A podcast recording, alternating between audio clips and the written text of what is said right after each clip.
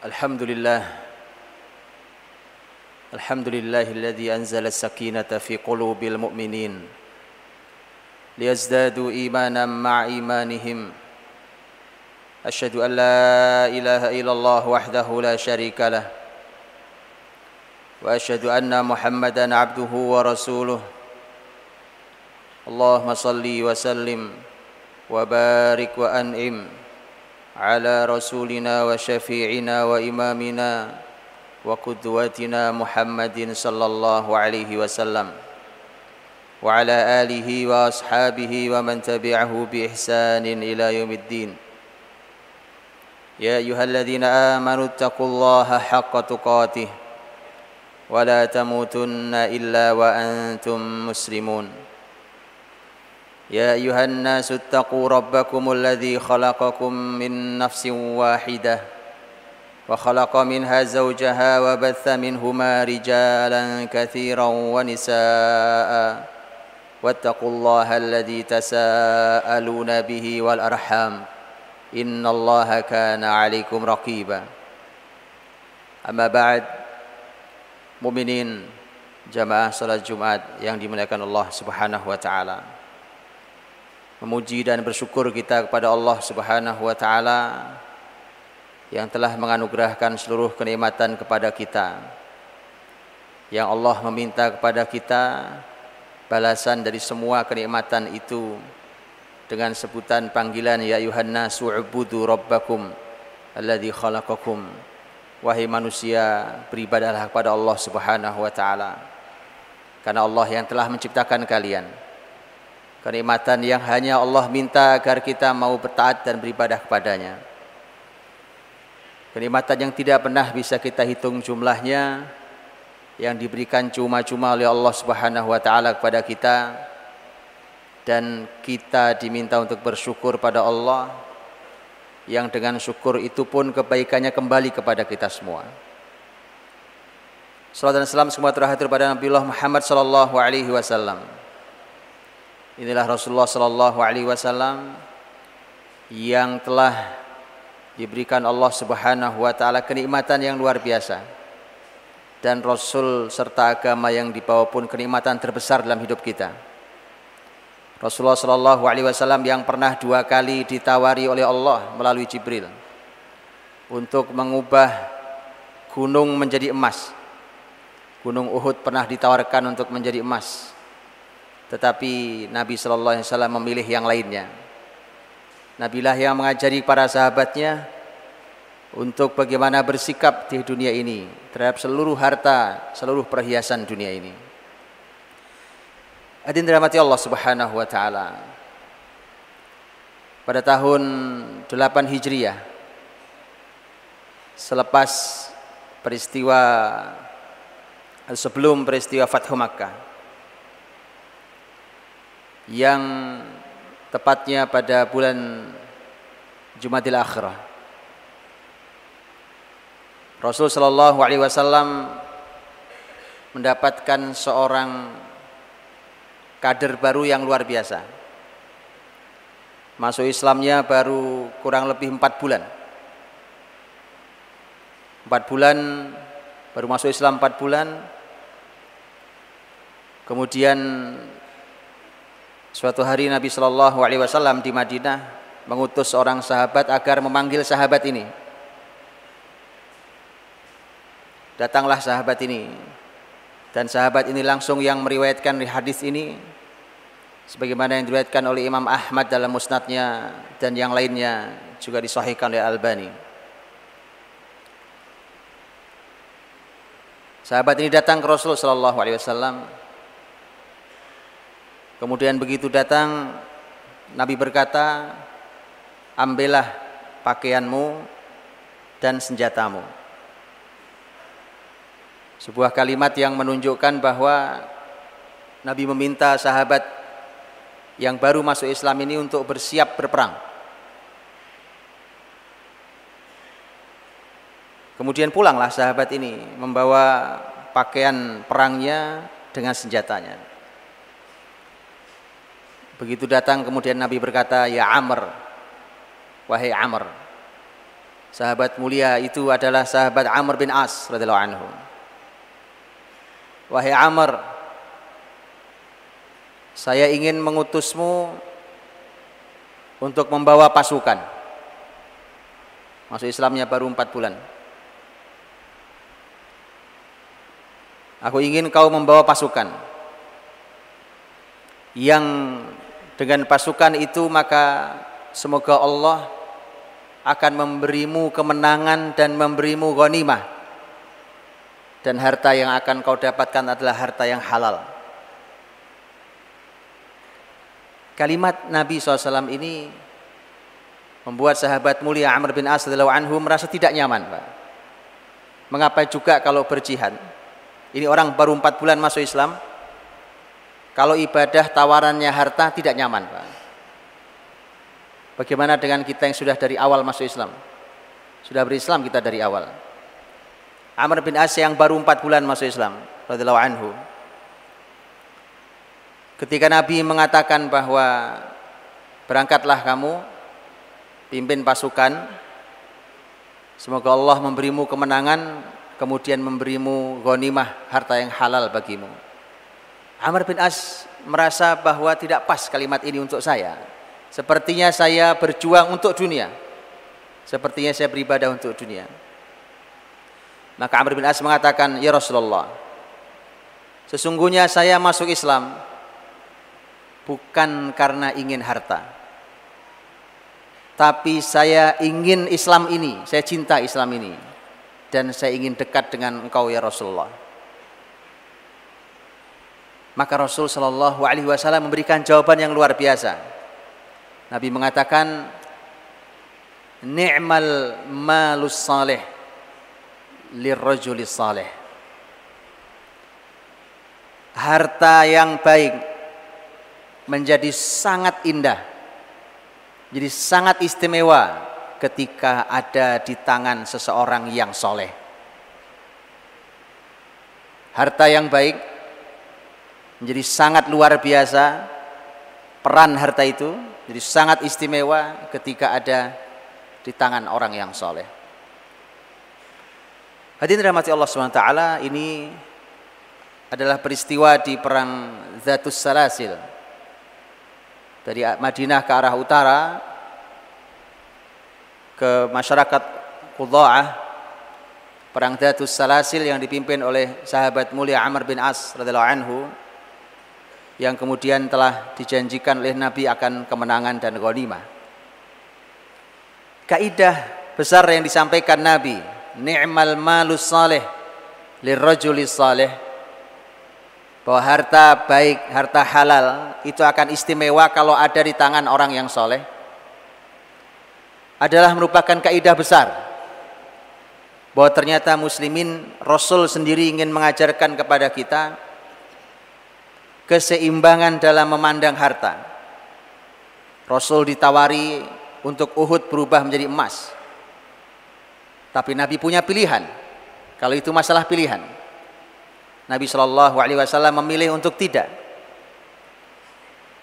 Tetapi Nabi bersabda kepada Amr bin As radhiallahu anhu, justru Nabi menyemangati Amr bin As dengan harta.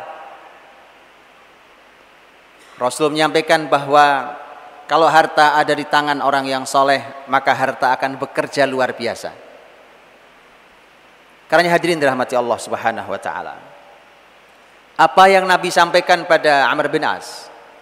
Sesungguhnya sebelum yang lainnya adalah merupakan pujian untuk Amr bin As anhu. Bukankah, bukankah Nabi yang mengatakan kau berjihad dan kau akan menang, kau akan dapat ghanimah? Dan itu artinya harta ghanimah itu, harta rampasan perang itu akan ada di tangan seorang Amr bin As dan di tangan orang yang soleh, maka harta akan bekerja luar biasa dahsyatnya. Kalau ingin melihat bagaimana seorang Amr bin As adalah anhu dengan pujian Nabi, ni'mal malus salih lirrajulis salih. Bahwa harta halal di tangan orang soleh itu luar biasa. Maka lihatlah bagaimana Amr bin As radhiyallahu anhu ketika beliau di antaranya ketika nanti beliau memimpin Mesir. Amr bin As yang paling paham tentang wilayah Mesir. Karena ketika muslimin sudah ada di negeri Syam, memasuki wilayah Palestina, masuk dari wilayah Suria di masa Khalifah Adil Umar bin Khattab radhiyallahu anhu. Muslimin kemudian dibawa oleh Amr bin As atas izin Khalifah Umar untuk masuk ke negeri Mesir. Saat itu sesungguhnya Umar radhiyallahu anhu cukup khawatir. Tapi Amr bin As penuh dengan keyakinan. Karena Amr bin As mengatakan bahwa Mesir negeri yang tidak kuat pertahanannya. Tetapi kaya dan banyak makanannya.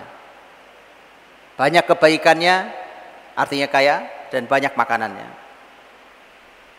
Maka Amr bin As meyakinkan itu dan singkat kata Mesir kemudian mendapatkan hidayah Allah Subhanahu wa taala. Dan sejak hari itu sampai hari ini Mesir adalah negeri muslim. Tidak pernah berubah. Amr bin As radhiyallahu anhu membuktikan bahwa dia adalah orang yang soleh. Harta besar yang di Mesir itu di tangan orang soleh seperti Amr bin As bekerja sungguh sangat luar biasa. Amr bin As membangun negeri Mesir. Negeri yang luar biasa ini dibangun dalam segala halnya sebagaimana kebiasaan muslimin ketika memasuki sebuah negeri. Dibangun luar biasa. Kota Fustat di Mesir adalah merupakan kota yang dibangun oleh Amr bin As radhiyallahu anhu. Bahkan Amr bin As juga yang menggali kembali menggali Khalij Amirul Mukminin. Ada terusan yang menyambungkan antara Sungai Nil dengan Laut Merah. Dan itu adalah karya Amr bin As untuk memudahkan kafilah dagang agar mudah mengirimkan makanan dan berbagai macam barang dagangan ke negeri Hijaz, ke ibu kota, Mekah dan Madinah. Sungguh sangat luar biasa, bahkan kebaikan negeri Mesir. Kekayaan negeri Mesir di tangan orang soleh seperti Amr bin As anhu tidak hanya terhenti di Mesir. Bukankah ketika terjadi Amur Ramadah tahun kelaparan tahun musibah di mana muslimin di ibu kota tidak bisa makan karena terjadi paceklik yang sangat panjang Khalifah Umar bin Khattab radhiyallahu anhu mencoba mencari berbagai macam solusi peristiwa yang terjadi tahun 18 Hijriah ini. Di antaranya adalah berkirim surat kepada Amr bin As radhiyallahu anhu. Karena Umar tahu persis kalau jazirah Arab, kalau Hijaz negeri yang gersang dan kering tapi tidak dengan Mesir. Mesir adalah negeri yang makmur, negeri yang banyak kebaikan harta dan makanan. Maka Umar bin Khattab anhu berkirim surat min Abdullah Amiril Mukminin Umar bin Khattab ila Al-As ibn Al-As dari hamba Allah Amirul Mukminin Umar bin Khattab untuk Al-As ibn Al-As. Padahal bukan namanya. Namanya adalah Amr bin Al-As. Tapi surat Umar bunyinya Al-As ibn Al-As. Karena dalam bahasa Arab sebenarnya kata Al-As artinya adalah orang yang berbuat maksiat. Ini bahasa ukhuwah tingkat tinggi. Jangan pernah mencobanya. Ketika kita belum berlatih ukhuwah setinggi para sahabat Nabi Shallallahu Alaihi Wasallam. Ya, ini bahasa ukhuwah tingkat tinggi dan bukan hanya ini contohnya. Ada banyak contoh lain bagaimana bagaimana mereka berbahasa bahkan sevulgar itu tetapi itu justru semakin merekatkan hati mereka. Umar radhiyallahu anhu seakan ingin katakan kalau kau tak bantu kami kau orang yang maksiat. Kau maksiat, bapakmu juga maksiat karena Al-As ibn Al-As Bunyinya adalah isi suratnya adalah Umar mengatakan kata Umar apakah kamu melihat kami di sini kelaparan sementara kau bisa menikmati kehidupan maka tolonglah kami. Amr bin As anhu melihat ibu kota bahkan khalifah ada di sana manusia mulia ada di sana. Ketika keadaan ibu kota seburuk itu lihatlah bagaimana harta di tangan orang yang soleh. Amr bin As mengirimkan jawaban jawabannya adalah ila amir ila Abdullah Amirul Mukminin Umar bin Khattab min Amr bin Al-As. Untuk hamba Allah Amirul Mukminin Umar bin Khattab dari Amr bin As. Nama saya Amr bin As. Isi suratnya adalah saya akan kirimkan bantuan saya akan kirimkan bantuan dengan kafilah unta melalui darat. Yang bagian depannya sudah ada di Madinah, bagian belakangnya masih ada di saya di Mesir sini. Dan itu pun saya akan mencari jalan untuk bisa menembus lautan ini, Laut Merah. Untuk bisa menyeberangkan bantuan ke Madinah. Dan dilakukan. Amr bin As radhiyallahu anhu mengirimkan seribu onta lengkap dengan dengan bawaan berupa makanan, tepung, minyak segala macam dikirimkan dari Mesir.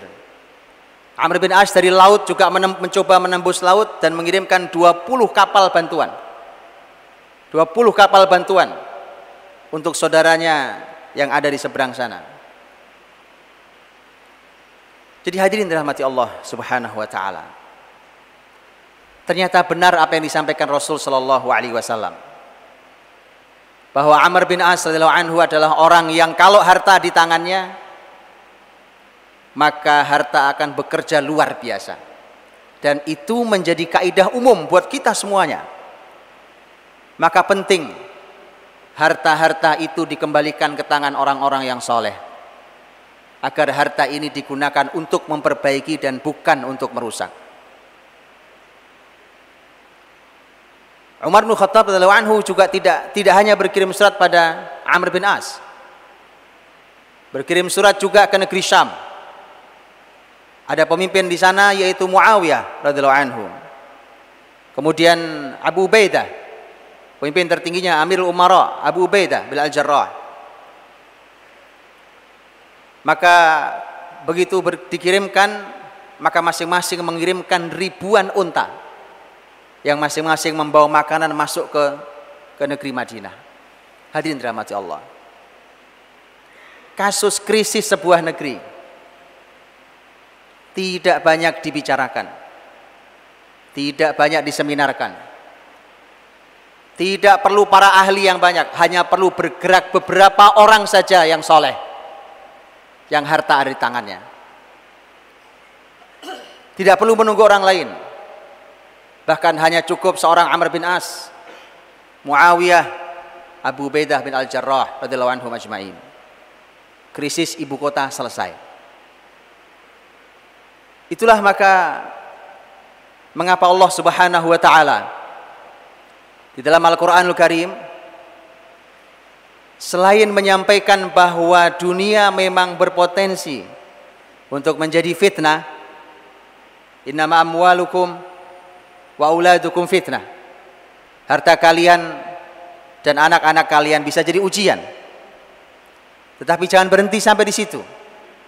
Karena ternyata harta juga merupakan zina. Perhiasan. Zuyina linnasi hubbus syahwati minan nisa'i wal banina wal qanatiril muqantarati minadh dhahabi wal fiddah wal khailil musawwamati wal an'ami wal harth. Dzalika mata'ul hayatid dunya wallahu 'indahu husnul ma'ab telah dihiaskan di hati manusia. Dihiaskan di hati manusia. Dia menjadi indah. Karena hiasan itu fungsinya adalah untuk keindahan. Telah dihiaskan pada manusia. Kecintaannya pada syahwatnya. Yaitu pada wanita, pada anak-anak. Pada kekayaan yang melimpah ruah berita berupa emas, perak. Kuda-kuda yang terlatih. Binatang ternak dan ladang-ladang yang luas. Itu adalah kesenangan kehidupan dunia. Dan di sisi Allah, Allah memiliki tempat kembali yang lebih baik. Bahkan Al-Quranul Karim langsung yang menyebut bahwa harta adalah alat yang kita gunakan untuk menegakkan kehidupan ini. Wala tu'tus sufaha amwalakum allati ja'alallahu lakum qiyama. Jangan kalian berikan harta-harta kalian kepada siapa pun yang belum sempurna akalnya. Karena harta itu adalah kiyama, adalah untuk kita bisa berdiri tegak dan kokoh dengan harta itu. Allah sendiri yang menyampaikan bahwa dengan harta itulah semua yang kita upayakan, kebaikan yang sedang kita lakukan bisa berdiri kokoh. Al-Quran pula bahkan yang mengatakan dengan jelas bahwa harta itu adalah kebaikan. Allah Subhanahu wa taala berfirman kutiba alaikum idza hadara ahadakumul maut in taraka khairan in taraka khairanil wasiyatu lil walidain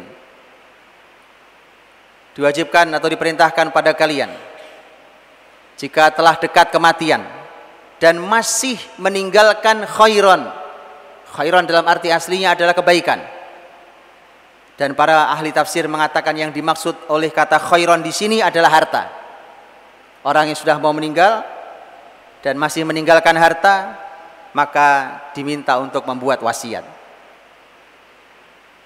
jadi Allah Subhanahu wa taala yang menyampaikan bahwa harta adalah hiasan buat hidup kita.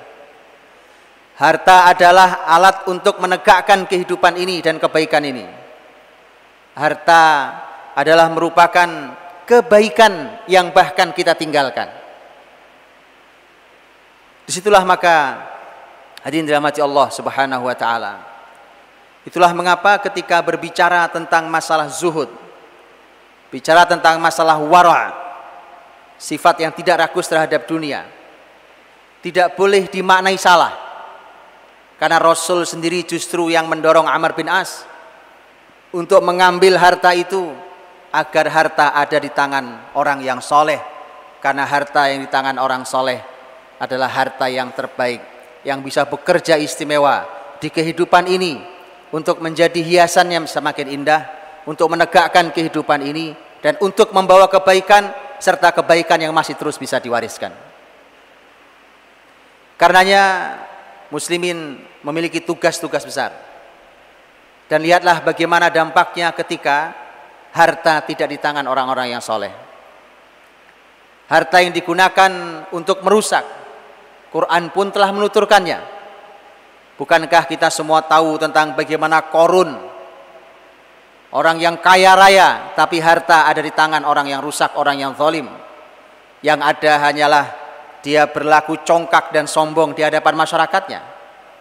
Hanya memamerkan kehebatan dirinya. Ini adalah ilmu yang saya miliki dan itu adalah kalimat korun. Setiap ditanya tentang bagaimana Anda bisa sukses, kemudian jawabannya adalah ini karena saya, karena ilmu saya, itu adalah kalimat korun yang telah ditenggelamkan Allah di dalam bumi.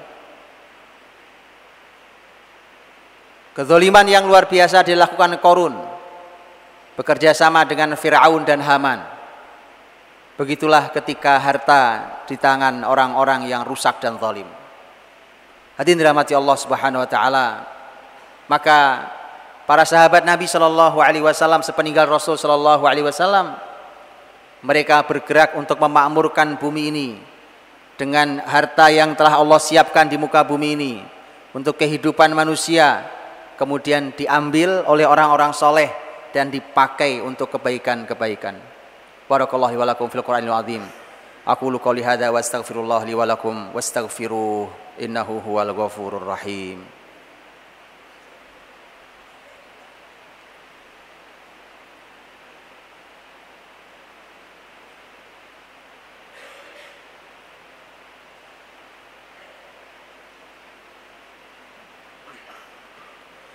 الحمد لله رب العالمين وبه نستعين على أمور الدنيا والدين والصلاة والسلام على رسول الله الكريم وعلى آله وأصحابه ومن تبعه بإحسان إلى يوم الدين. ولا حول ولا قوة إلا بالله العلي العظيم. يا أيها الذين آمنوا اتقوا الله حق تقاته ولا تموتن إلا وأنتم مسلمون. يا أيها الذين آمنوا اتقوا الله وقولوا قولا سديدا يصلح لكم أعمالكم ويغفر لكم ذنوبكم ومن يطع الله ورسوله فقد فاز فوزا عظيما أما بعد Hadirin dimuliakan Allah Subhanahu wa taala. Bumi ini diberikan Allah diwariskan untuk orang-orang yang beriman dan bertakwa. Kalau sampai jatuh kepada tangan selain orang beriman dan bertakwa, maka yang terjadi adalah tidak seperti yang Allah inginkan, maka pasti akan terjadi kerusakan dan kezaliman di muka bumi. Itulah mengapa Allah Subhanahu wa taala berfirman, "Wa idza aradna an nuhlika qaryatan amarna mutrafiha fafasaqu fiha fahaqqa 'alaiha alqawlu fadammarnaha tadmira." Kalau kami ingin menghancurkan sebuah negeri, maka akan kami perintahkan kepada orang-orang yang hidup mewah. Nah, hidup mewah agar mereka berbuat kebaikan. Tetapi justru mereka berbuat kefasikan maka kami tetapkan hukuman bagi mereka dan kami hancurkan sehancur-hancurnya. Karena itulah maka orang-orang beriman perlu bergerak untuk memakmurkan bumi ini, mengambil alih kembali kemakmuran bumi ini karena hanya kebaikan itu ada di tangan orang-orang yang soleh dan hanya di tangan orang solehlah harta berubah menjadi kiyama dan khaira tegaknya kehidupan ini dan kebaikan. Mari kita tutup dengan doa Allah Subhanahu wa taala mendengar doa-doa hamba yang berdoa. Semoga Allah memperbaiki keadaan kita semuanya. Semoga Allah memberikan izzah dan kemuliaan bagi muslimin dan Allah memberikan kita kesempatan untuk menikmati kebesaran bagi muslimin. Allahumma salli wa sallim wa barik ala sayyidina Muhammadin wa ala alihi wa sahbihi ajma'in. Walhamdulillahi rabbil alamin. Hamdan yuwafi ni'amahu wa yukafi mazida. Hamdu wa lakal syukru kama yanbaghi li jalali wajhikal karimi wa azimi sultanik. اللهم إنا نسألك ونشهد أنك أنت الله. لا إله إلا أنت الأحد الصمد. لم يلد ولم يولد ولم يكن له كفوا أحد. اللهم اغفر لنا ولإخواننا الذين سبقونا بالإيمان. ولا تجعل في قلوبنا غلا للذين آمنوا. ربنا إنك رؤوف رحيم. اللهم اغفر لنا ولوالدينا وارحمهم كما ربونا صغارا اللهم اصلح احوال المسلمين اللهم اصلح لنا ديننا الذي هو عصمه امرنا ودنيانا التي فيها معاشنا واخرتنا التي اليها معادنا يا غني يا حميد يا غفور يا ودود اغننا بحلالك عن حرامك وبطاعتك عن معصيتك وبك عمن سواك ربنا اتنا في الدنيا حسنه وفي الآخرة حسنة وقنا عذاب النار. سبحان ربك رب العزة عما يصفون. وسلام على المرسلين والحمد لله رب العالمين. عباد الله إن الله يأمر بالعدل والإحسان وإيتاء ذي القربى وينهى عن الفحشاء والمنكر والبغي. يعظكم لعلكم تذكرون فاذكروا الله العظيم يذكركم واشكروه على نعمه يزدكم ولذكر الله أكبر. أقم الصلاة.